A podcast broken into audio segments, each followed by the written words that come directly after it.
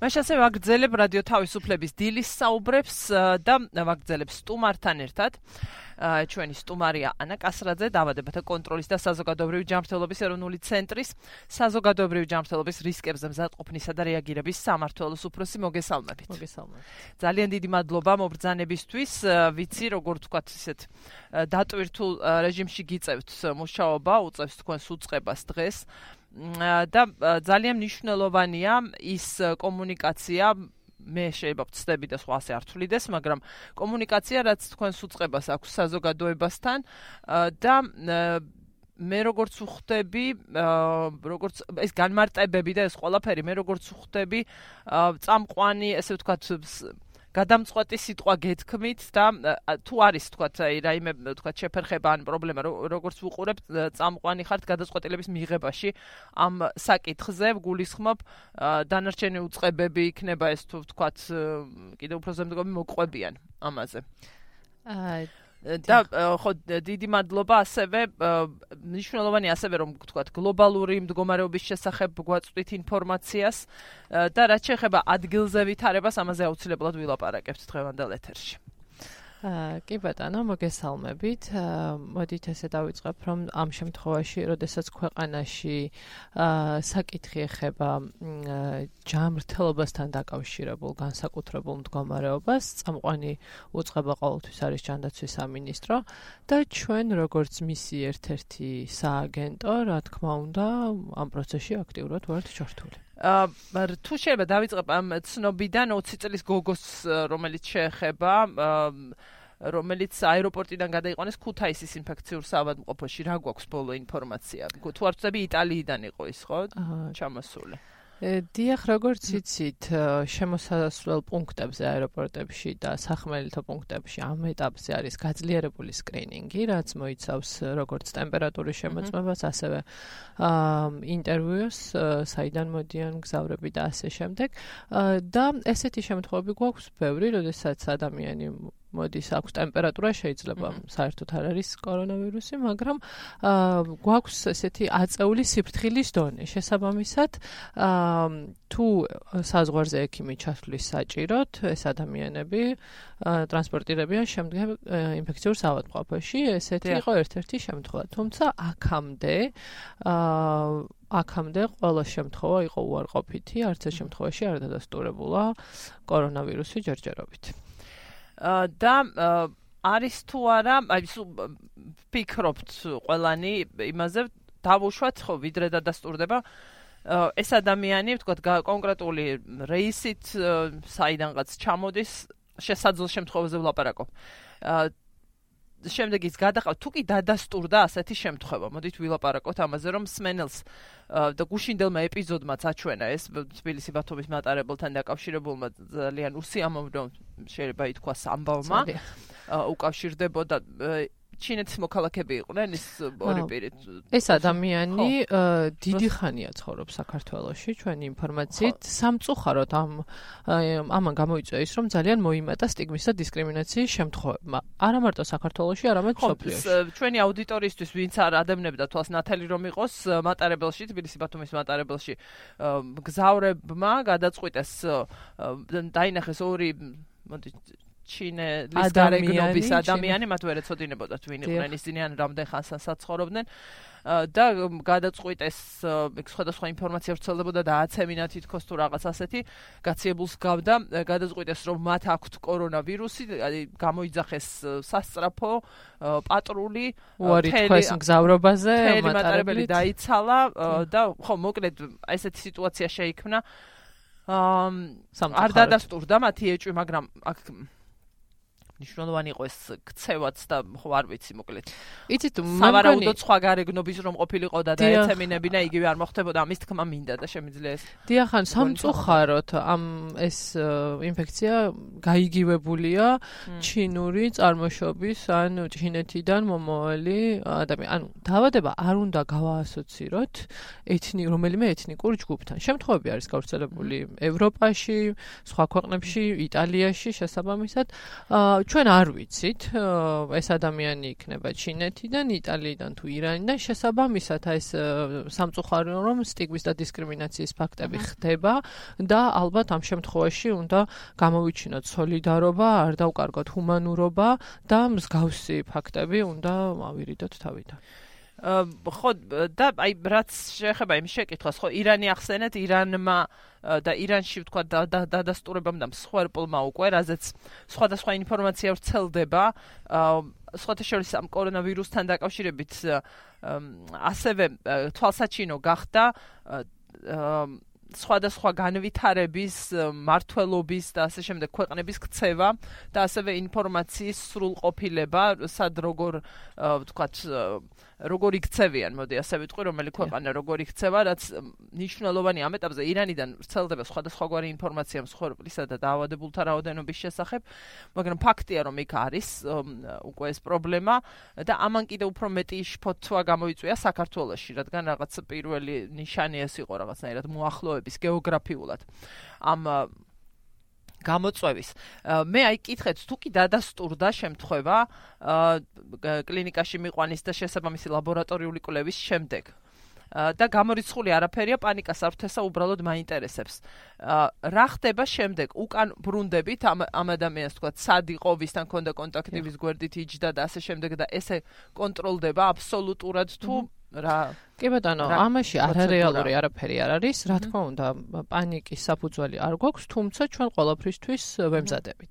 შესაბამისად არის ალბათობა იმის, რომ შესაძლოა დავადასტუროთ შემთხვევა საქართველოში. ამ შემთხვევაში როგორ ვიქცევით? ყველაზე მნიშვნელოვანი არის, რაც შეიძლება სწრაფად შევაჩეროთ მისი გავრცელება. და ეს რას მოიცავს? იდენტიფიცირება მისი ახლო კონტაქტების, ანუ იმ ადამიანების, ვინც მჭიდრო კონტაქტში იმყოფებოდნენ ადამიანთან და დადასტურებულია, რომ შემთხვევების 64% მსოფლიოში სწორედ წარმოადგენდნენ ახლო კონტაქტებს, ანუ გავრცელდა ერთ ოჯახში ან ჭიდრო კონტაქტით.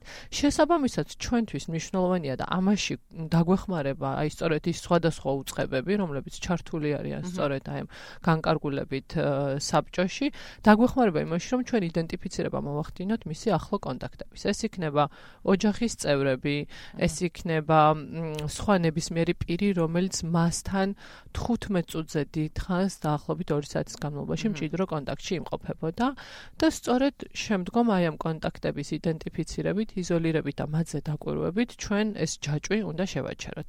აი ამას რაც უფრო სწრაფად მოხდება ეს, ამიტომ ჩვენ ვთხოვთ მოსახლეობას, რომ პირველივე სიმპტომების გამოვლენის შემთხვევაში და თუ მათ ქონდათ ისტორია რისკის არეალში მოგზაურობის, აა მიმართონ ექიმს შეგვატყობინონ, რომ ჩვენ რაც შეიძლება სწრაფად მოვახდინოთ რეაგირება და ეს ჯაჭვი გადაცემის შევაჩეროთ. და ასევე მნიშვნელოვანია ითქვას და ამას უფრო იშვიათად ამბობენ ხოლმე რომ ეს დაავადება არ არის უფრო მეტად როგორ თქვა, უფრო მეტად მსხვერპლის გამომწვევი. თეორიულად ვიდრე შეგვიძლია ხო ვიდრე რაიმე სხვა ტიპის ვირუსი, რომელიც ასევე კი ბატონო, ლეტალობა, ჩვენ ხმარობთ ამ ტერმინს, არ აქვს მაღალი ლეტალობა, ანუ აა ლეტალობა ეს არის აა გარდაცვლილი ადამიანების შემთხვევებში. მათ ვისაც დაემართებათ, რამდენი პროცენტი იღუპება. შესაბამისად, კორონა ახალი კორონავირუსის შემთხვევაში ეს ციფრი არ არის მაღალი, დაახლოებით არის 2%, 2.3%. რა თქმა უნდა, ეს აბსოლუტურ რიცხვებში შეიძლება ვთქვათ, რომ არის 2700, მაგრამ როდესაც გადავიყვანთ პროცენტებში, თან აქედან უმეტესობა, უმრავლესობა არის ჩინეთში. შესაბამისად, თუ შევადარებთ მაგალითად ებოლას, თუ შევადარებთ SARS-ს, რომელიც რომელიც 2003 წელში იყო გავრცელებული, ბევრად დაბალია მისი ლეტალობა, ებოლოს შემთხვევაში დაახლოებით 80%-მდე არის, SARS-ის შემთხვევაშიც ბევრად მაღალი იყო, რჩება ჯერჯერობით ისევ რჩება 2.3%-ში. აა ვიცით თუ არა მეტი იმაზე, აი ვთქვათ გრიპის ვირუსის შემთხვევაში, რომელსაც ასევე სეზონურ გრიპს უგულისხმობ, ყოველ წელს ახლავს გარკვეული გართულებების შემთხვევაში ახლავს გარკვეული მსხვერპლი. აა თუ ვიცით, აი მაგალითად, მაგრამ ამას გარკვეული ფონი სჭირდება, ასევე ვთქვათ, ასეთი ცოდნა გვაქვს ხო გრიპის ვირუსზე, რომ განსაკუთრებით სარისკოვისთვის არის. არის თუ არა იგივე, შეგვიძლია თუ არა იგივეს თქმა მეტი ინფორმაცია გქონდეს აი ახალ კორონავირუსზე? დიახ, უკვე არსებობს შესაბამისი მასალა და შესაბამისი მტკიცებულებები, სწორედ წამოსვლის წინ გავეცანი. აა გარდაცულთა თითქმის ყველა ვინც გარდაიცვალა იყო ხანდაზმული ასაკის 79 წლის დასევით, 75 წლის დასევით.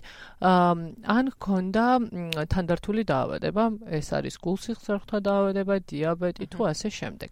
აი ესეთ ადამიანებში ხანდაზმულებში და მათ ვისაც აქვთ თანდართული დაავადება, რთულდება კორონავირუსი, პნევმონიით თუ სხვა გართულებებით და თითქმის ყველა ლეტალური შემთხვევა იყო აი ამ ჯგუფიდან. აჰა სვენელს შეგახსენებთ ანა კასრაძეა ჩვენი სტუმარი დაავადებათა კონტროლის და საზოგადოებრივი ჯანმრთელობის ეროვნული ცენტრის NCDC ასე ვამბობთ ხოლმე მოკლედ საზოგადოებრივი ჯანმრთელობის რისკებზე მზადყოფნის და რეაგირების სამართლოს უფროსი 2988327-ია რადიო თავისუფლების საეთერო ნომერი 2988327 შეგიძლიათ დაგვირეკოთ აგერ ერთი ზარი გვაქვს უკვე ეთერში და შეგიძლიათ მოგწეროთ ასევე Facebook-ზე ვუყურებ და არ გამომეპარება ადრე ცოტა ხარვეზი იყო ამასთან დაკავშირებით კომენტარი ან შეკითხვა და დავსვამ ეთერში. დილომშვიდობის თქვენ გისმენთ. გამარჯობა. გამარჯობა ხმა. კი ბატონო, კარგად გისმენთ. აა ყველაფერში დავეთანხმებოდი ქალბატონს და რომ არა ორი და საკმაოდ მნიშვნელოვანი პატარა დეტალი. პირველი, ყოველთვის ჯობს რა თქმა უნდა, რაც უფრო იქნება გახსნილი ინფორმაცია, მით უფრო მეტი ადამიანი დაიცავს თავს, ეს არის ერთგვარი პრევენცია, რაც უფრო მეტი ინფორმაცია იქნება. და მეორე, როდესაც BBC-ზე, CNN-ზე, WHO Health Organization გეუბნება, should be prepared, როდესაც გეუბნება ეს ორი უზარმაზარი სოფლიო დონის არხები, როგორც პროფესიონალიზმით, ისე დემოკრატიის თვალსაზრისით, რომ სოფლიო უნდა მოემზადოს პანდემიისკენ. თუმცა ლასკავაცლის თავის სპექტაკლებს, როდესაც ფესტივალები უქმდება და ასე შემდეგ და ასე შემდეგ, ათასობით ღონისძიება უქმდება, ჩვენ რატომ ვამბობთ რომ აი უბრალო კი გასაგებია რომელიღაცა უბრალო გრიპის შტამი გაცილებით მეტ ადამიანს კლავს.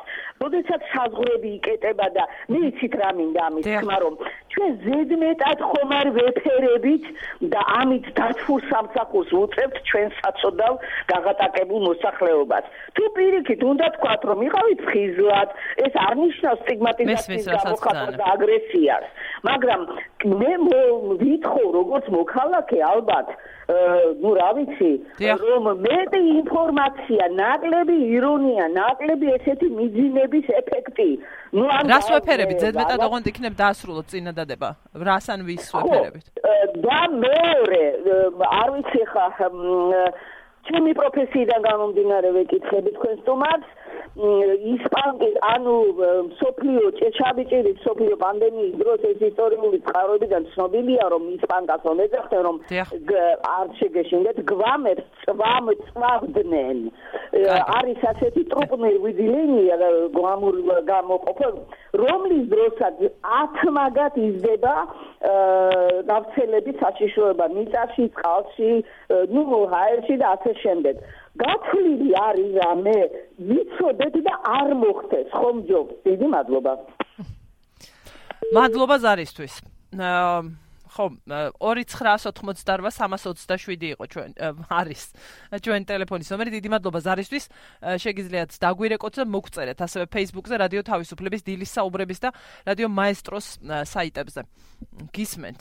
ესე იგი მეტი ინფორმაცია. ჯობიათ ზედმეტად ხომ არ ვეფერებით. არ ვიცი ადამ რა იგულისხმა მაგრამ მოდი ასე გადავაკეთებ მე ხომ არ ვეფერებით პრობლემას. აა კი ბატონო დიდი მადლობა შეკითხვისთვის. რაც შეეხება მზადყოფნას პანდემიურ მზადყოფნას გავსცემ პასუხს. ჩვენ ალბათ ესეთი შაბეჭლება აქვს მოსახლეობას, რომ ჩვენ არ ვემზადებით და არაფერს არ ვაკეთებთ. რა თქმა უნდა, ეს ასე არ არის. ქვეყანაში არსებობს შესაბამისი რეაგირების გეგმები განსაკუთრებულ სიტუაციებზე და ჩვენ აი ამ გეგმების მიხედვით გავყვებით უკვე შესაბამის ქმედებებს, ალბათ დეტალიზაცია არ იქნება საინტერესო. რაც შეეხება ხომ არ ვეფერებით, ვფიქრობ რომ არა, რადგან ჩვენ ვეყრდნობით რისკის შეფასებას. შესაბამისად, ჩვენ ბევრჯერ გავაფრთხილეთ მოსახლეობა, რომ რაც უფრო იზრდება ჩვენს გარშემო ქვეყნებში გავრცელება და შემთხვევების რაოდენობა, მით უფრო იზრდება ჩვენთან რისკი. აქამდე სანამ ეს ინფექცია იყო კონცენტრირებული ჩინეთში და მხოლოდ რამდენიმე ქვეყანაში, აა რისკი იყო შედარებით დაბალი. რაც უფრო გავრცელდა ის ევროპაში, რაც უფრო გაიზარდა შიდა გადაცემა ქვეყნებში, შესაბამისად რისკიც მოიმატა. ამის შესახებ მგონი ჩვენ ყოველ ყოველთვის ვაფრთხილებთ მოსახლეობას. ახლა რაც შეეხება გვამების გაუნებელ უფრო მძაფრიაო ბოდიში, ხო, აუცილებლად მოგცემ საშუალებას, უფრო მძაფრია ჩვენი მსმენელის აღქმით, თქვა ის გადმოცემა თუ ის გზავნილები რაც საერთაშორისო მედიი და ჯანდაცვის სოფლიო ორგანიზაციის მიერ გადმოიცემა რაღაცა მოეჩვენა რომ არ ვიცი ეჩვენება რომ რა შეეხება აი ამ კვეთრ ქმედებებს ეს ქმედებები ხორციელდება იმ ქვეყნებში სადაც უკვე დაფიქსირებულია შემთხვევა. რა შეეხება იტალიას იქ მასობრივი თავშეყრის ადგილებში ღონისძიებების შეწყვეტა ლასკალას შეჩერება და ასე შემდეგ.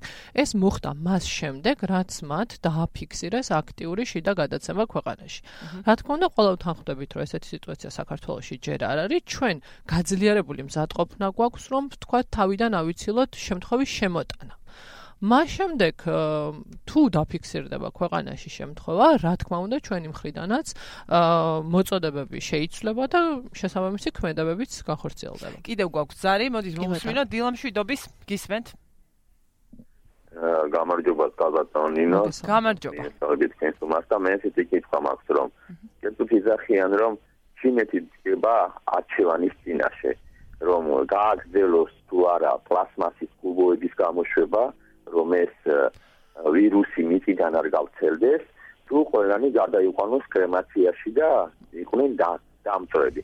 მაგრამ ამას ამის პარალელურად იზახიან ასევე რომ ირანში თურმე ხელისუფლება მალავდა არსებულ პრობლემას, მაგრამ ეხლა უკვე მეტის დამალვა აღარ შეუძლია და აუხსნა თვალსა და ხელის შუა. და ეს ისე რაღაცა მაინტერესებს. ერთადერთი ამ ვირუსთან დაკავშირებით, რაც მიახლოებით სწორი ინფორმაცია ვსწრდება, ეს არის აპოკალიფსის სიგნიდან, რომ ბოლო ჟამის ნიშნებში იქნება რაღაცნაირი კითხვა თუ გაქვს კონკრეტულად ხო რიცხვის სახით მოვლენდა. ეს ის მართლა ანალოგიური სიტუაცია, რომელსაც რელიგიური მართლმადიდებელი ეკლესია და საერთოდ მთელი ქრისტიანული აღნიშნავს, თუ როგორ განიცადა ამ კორონავირუსმა მუტაცია, როგორც ექიმები ძახიან, ეს იყო ჩვეულებრივი ვირუსი, რომელმაც განიცადა მუტაცია. თუ ეს ცოცხალი არსება ვირუსი, მუტაციას და განვითარებას რის საშუალებით განიცეს? ეს განიცეს სპეციალური ლაბორატორიული ხელშეწყობა ვირუსის რომელიც მე გარეთ გამოაქვს თუ აი რა ხდება თუ ბუნებრივი მართლა აპოკალიფსური რაღაცა საშუალება მადლობ შეკითხვისთვის დიდი მადლობა დიდი მადლობა შეკითხვისთვის ბოლო ჟამის ნაწილზე ჩვენ სტუმარი ვერ გიპასუხებთ. და ხო მუტაციას და თუ გნებობ შემიძლია გვამების თემასაც შევეხო დიახ როგორც ჩანს აქტუალურია. ესე იგი რა შეეხება გვამების გაუნებელყოფას კორონას ეს აქტუალური საკითხი ხო ებოლას ეპიდემიების დროს. რადგან იყო იმის მტკიცებულება რომ ადამიანთან შეხების შემთხვევაში ბიოლოგიური სითხებით გადადის ებოლა ადამიანიდან ადამიანზე კორონას და სხვა რესპირაციული დაავადებების შემთხვევაში ასეთი მტკიცებულება არ არსებობს. შესაბამისად, არ არსებობს იმის მტკიცებულება, რომ საჭიროა გვამების სპეციალური გაუნებელყოფა და სპეციალური წესით დამარხვა.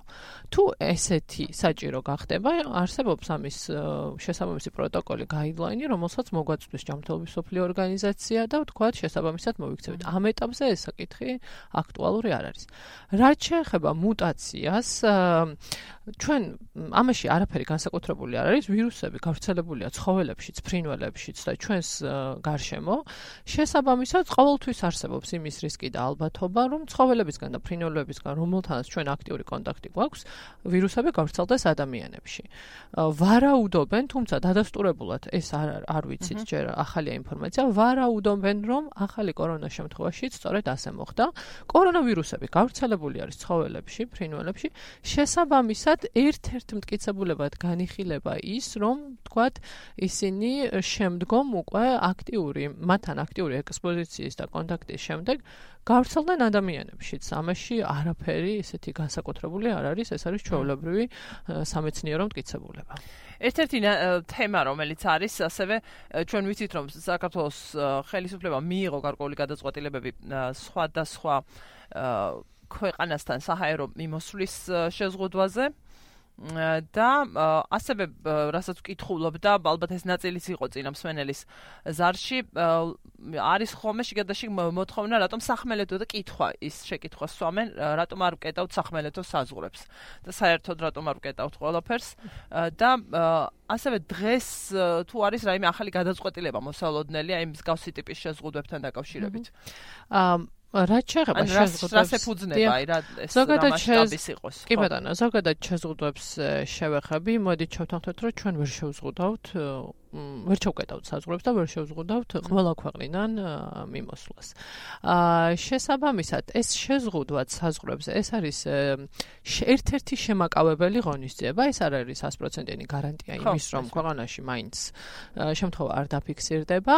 აა რაც შეეხება სახმელეთოს, სახმელეთოზე გაძლიერებული სკრინინგია შემომსვლელი ირანიდან შემოსული მგზავრების ის ეს გადაწყვეტილება არის ერთობლივი სომხეთ, საქართველოს, თურქეთს, აზერბაიჯანს შორის, რადგან იცით რომ ირანიდან მომავალი მგზავრი ჯერ გადის ერთ-ერთ რომელიმე ქვეყანა, სადაც დამატებით გადის, დიახ, რა თქმა უნდა, დამატებით გადის ასევე სკრინინგ შემოწმებას, შემდგომ შემოდის საქართველოში, სადაც ასევე გადის სკრინინგს და შემოწმებას.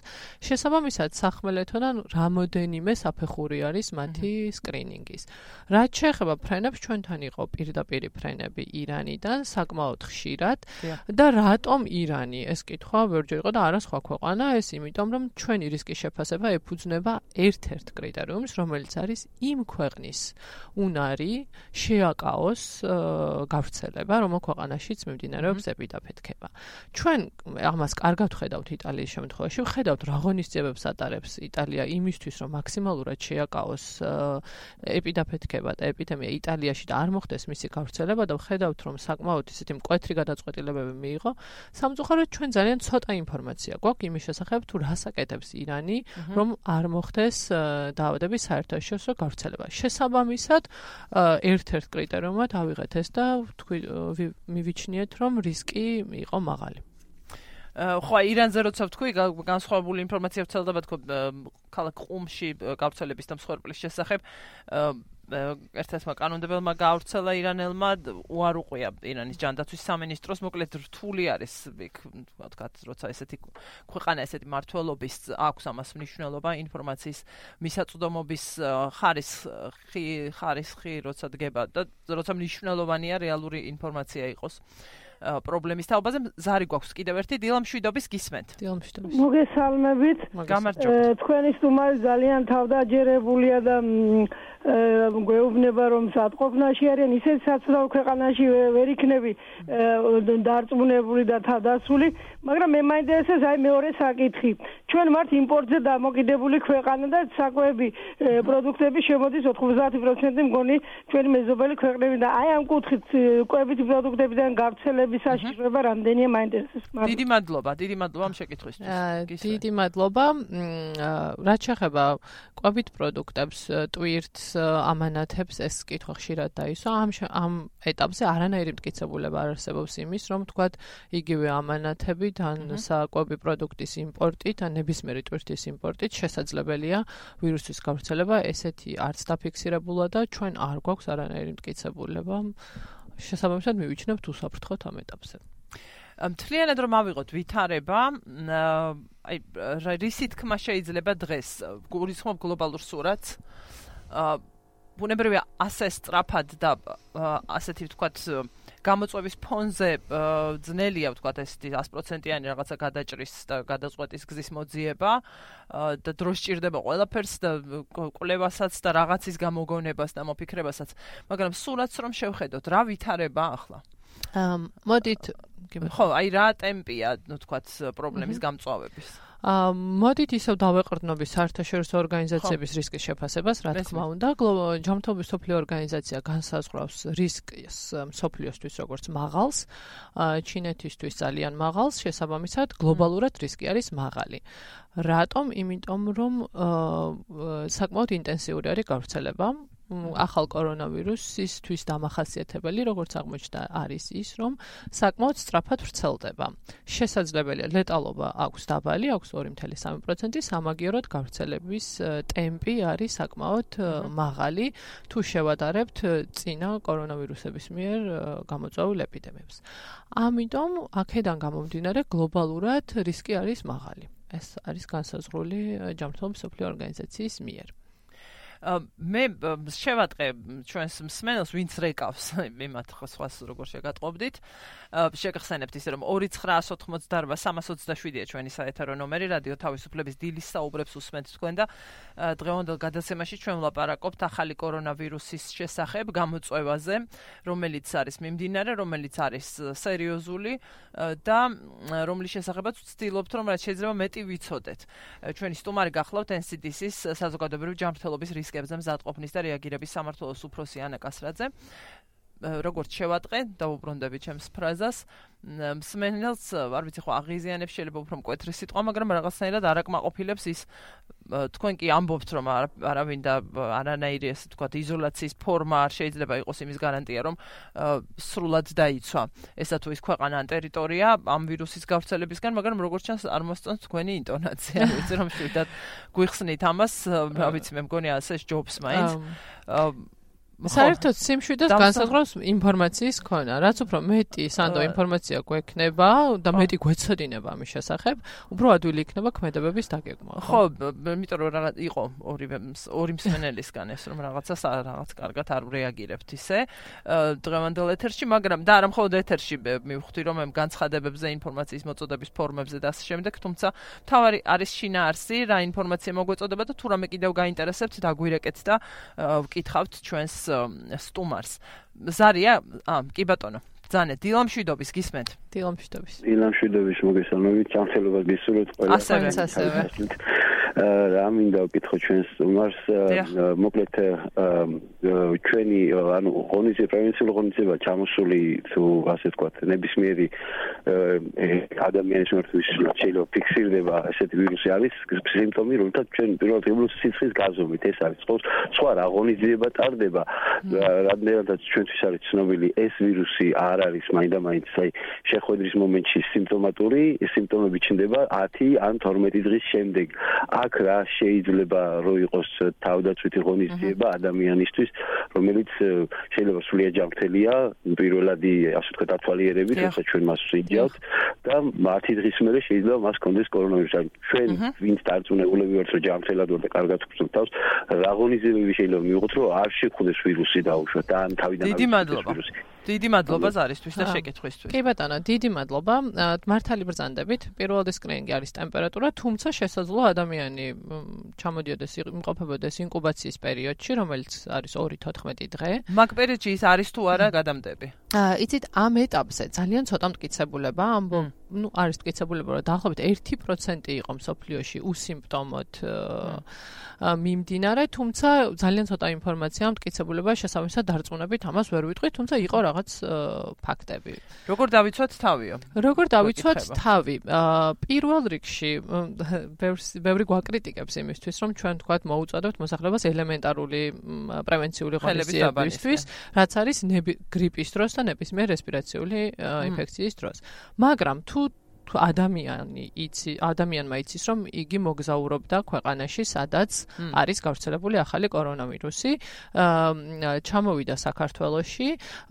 ჩვენ მათ ვთხოვთ ესეთ ადამიანებს რომ პირველ რიგში მოახდინონ თვითიზოლაცია თუ მოემართებიან მაღალი რისკის ქვეყნებიდან.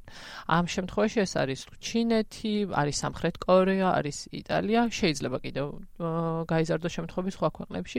ვთხოვთ რომ თავი შეიკავოს უახლოესი ორი კვირის განმავლობაში თავშეყრის ადგილებში სიავლიდან ასე შემდეგ. ანუ თავად პირბადე მხოლოდ უნდა იხმაროს ადამიანმა, რომელსაც აქვს დაავადება, ან ადამიანი, რომელიც უვლის კურნალობს ინფიცირებულ ადამიანს. ამ შემთხვევაში არის ეფექტური პირბადის გამოყენება. და როგორც კი შეამჩნევენ, რომ აქვთ გრიპის მაგვარი სიმპტომები და იციან, რომ აქვთ ისტორია მოგზაურობის ან შეხების ინფიცირებულ ადამიანთან, მიმართავენ სამედიცინო დაწესებულებას. აუცილებლად მიმართავენ სამედიცინო დაწესებულებას დაუყოვნებლად. ანუ პასუხისგებლობა თვითონ მოსახლეობასაც აქვს. ანუ ყველაფერ სახელმწიფო რა თქმა უნდა ხო 100%-ით ამის ამას ვერ გააკონტროლებს ბუნებრივია. ზარია კიდე თუ გავაგრძელ. ძალიან ესე ვთქვათ შემოგვადნა დრო ეთერში, სულ 4 წუთი გაგვრჩება. და თუ კი ხო ერთი კითხეც და პასუხი რაღაცა გამო გამოგრჩა პასუხის გაცემა დღეს თუ არის მოსაოდნელი რაიმე მორიგი გადაწყვეტილება ვთქვათ ვითარების კონტროლის გამკაცრების თვის რადიკალური განდაწყვეტილები ჯერჯერობით რაც მივიღეთ ეს არის ეს იყო ირანთან მიმართებაში თუმცა ვერაფერს გამოვრიცხავთ რადგან სიტუაცია ყოველდღიურად იცვლება მსოფლიოში. შესაბამისად თუ საჭირო იქნება სხვა მნიშვნელოვანი რადიკალური გადაწყვეტილების მიღება ეს რა თქმა უნდა დაუყოვნებლივ მოხდება. ჩვენ დავაკვირდებით ჯერჯერობით რა ვითარება იქნება მსოფლიოში. ამ ეტაპზე ვახორციელებთ იმას რაც რა გადაწყვეტილებებიც აქამდე მივიღებთ და ვცდილობთ რომ ეს ეფექტურად გაკეთდეს. დღეს არაფერს ელოდებ ვიმეორებით ამ თვალსაზრისით. და რომ მოხდეს ისე, მე მაინც მესმის რომ ეს შეიძლება ტოტალური მდგომარეობა არ არის საზოგადოების, მაგრამ მაინც ფაქტია რომ არის დიდი შფოთვა. ამის ამას ბევრი რამ მიგვანიშნებს ამაზე. თქვათ არის დადასტურებული შემთხვევა საქართველოს თქვათ ვამბობ ვიმეორებ ესე ვამბობ და როგორ შეიძლება რა შეიძლება ვურჩიოთ მოკლედ ჩვენს აუდიტორიას? რა გააკეთონ და რა არ გააკეთონ კი ბატონო. რაღაც გარკვეულ პანიკას გამოიწვევს სავარაუდოდ და ამიტომ ა პირველ რიგში ვიტყვი იმას, რომ პანიკა ხელს უშლის სიფრთხილეს. ამ შემთხვევაში ჯობია ვიყოთ უფრო ფრთხილად და მივყვეთ რეკომენდაციებს, ვიდრე ჩავარდეთ პანიკაში. და ეს რეკომენდაცია მე მოუწოდებდი ყველას, რომ მხოლოდ დაეყნონ სანდო წყაროებიდან მიცემულ რეკომენდაციებს, რადგან არსებობს ბევრი მითები, როგორ უნდა დაიცვან თავი, მათ შორის ცხვირის სპირტით გამორეცხვა და ასე შემდეგ, არა, ეს ყველაფერი არის მითები, შესაბამისად დაავადებათა დაიწორწო. ასე ნიუ-იორკის ჭამა და ასე შემდეგ, დაავადებათა კონტროლის ეროვნული ცენტრი და ჯანდაცვის სამინისტრო არის ის უწყება, რომელიც ამ რეკომენდაციებს აა გააკეთებს სანდო წყაროებზე დაფუძნებით. შესაბამისად, რასაც ჩვენ და ჯანდაცვის სამინისტრო მივაწვდით, თხოვნა იქნება რომ მხოლოდ იმ რეკომენდაციებს დაეყრნონ და თვით შემოქმედებას და არასანდო წყაროებიდან მიღებულ ინფორმაციას ნუ დაეყრდნობიან.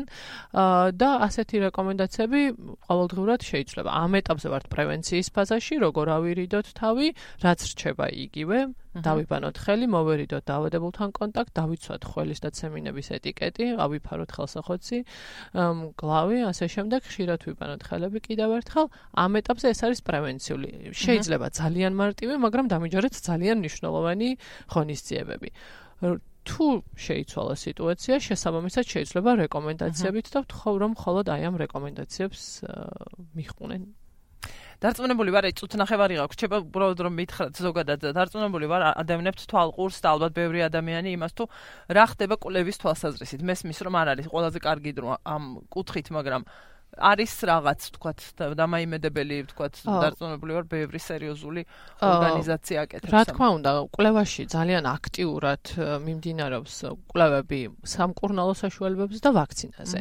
თუმცა, როგორც იცით, ეს ვაქცინა ერთ და ორ თვეში არ იქნება, არის დამაიმედებელი პროგრესი, თუმცა ამას ჭირდება დრო და უახლოესი რამოდენიმე თვე მაინც, რომ თქვათ პირველი ვაქცინა გქონდეს. იგივე ეხება სამკურნალო საშუალებებსაც, რამოდენიმე არის კვლევა შემთხვევაში, თუმცა ამასაც სჭირდება დრო.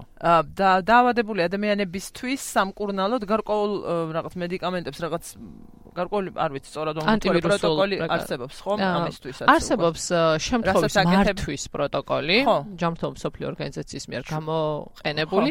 იცით რომ არ არის წამალი მედიკამენტი ამ ეტაპზე კონკრეტულად კორონავირუსისთვის კურნალობა არის სიმპტომური რაც სხვა მძიმე მწავე რესპირაციული დაავადების შემთხვევაში ეს უკვე ექიმებმა კარგად იციან როგორ უნდა მართონ მძიმე მწავე რესპირაციული ინფექციის მქონე პაციენტი. ხო შესაბამისად ანუ ამის შესაბამის მედიკამენტები საშუალებები არის საქართველოს სიმპტომური სამკურნალო რესპირაციული ინფექციის მედიკამენტები არის ჩვეულებრივი ქვეყანაში, დიახ. ძალიან დიდი მადლობა. მესმის ეს თქვა აი ესეთი ტიპის კითხვების დროს რთული ხო ასე გადაჭრით და ცალსახად რაიმეს წინასწარმეტყველება ძნელია. ძალიან დიდი მადლობა ინფორმაციისთვის ანა კასაძე, დაავადებათა კონტროლის და საზოგადოებრივი ჯანმრთელობის ეროვნული ცენტრის საზოგადოებრივი ჯანმრთელობის რისკებზე მზადყოფნის და რეაგირების სამართლის უფროსი იყო ჩვენი სტუმარი. და დიდი მადლობა აუდიტორიას იმისთვის რომ გვისმენთ, რომ გვირეკავთ და გვეხმაურებით. დღეს შეკითხვა არ მოგიწერიათ, სხვა ტიპის კომენტარები იყო დასაწყისში გადაცა მისცემისა, რომელიც თამარ მეარაყიშვილს ეხებოდა და რა ვიცი რა რამდენად ტაქტიანი იყო ეს, რაც დაწერეთ. დიდი მადლობა. ლაპარაკობს რადიო თავისუფლება, დილის საუბრებს უსმენთ თქვენ. მე გემშვიდობებით. ხვალამდე თვალყური გვადევნეთ ინტერნეტში და ასევე 19 საათზე მოусმინეთ რადიო თავისუფლების საღამოს გადაცემას 23 საათზე კი ეხო კავკაზას. ლაპარაკობს რადიო თავისუფლება.